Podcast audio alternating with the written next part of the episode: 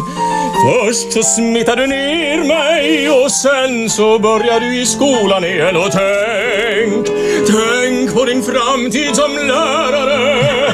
Hur du ska få en massa små söta barn att lära sig till exempel svenska.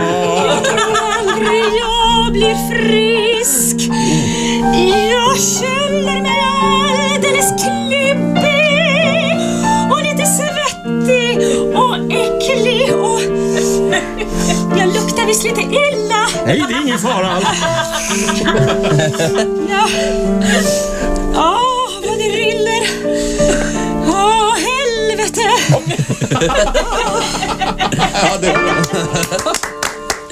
Ja, Caroline. Eh, Den var jättefin. Är du nöjd så? En vemodig svår. Var det Wagner i botten?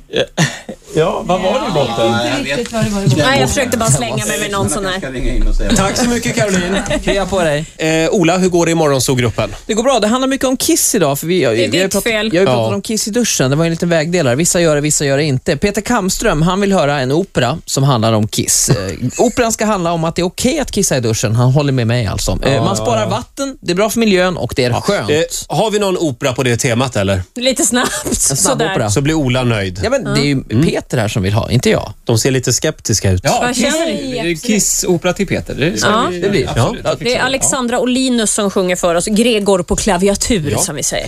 Varsågoda.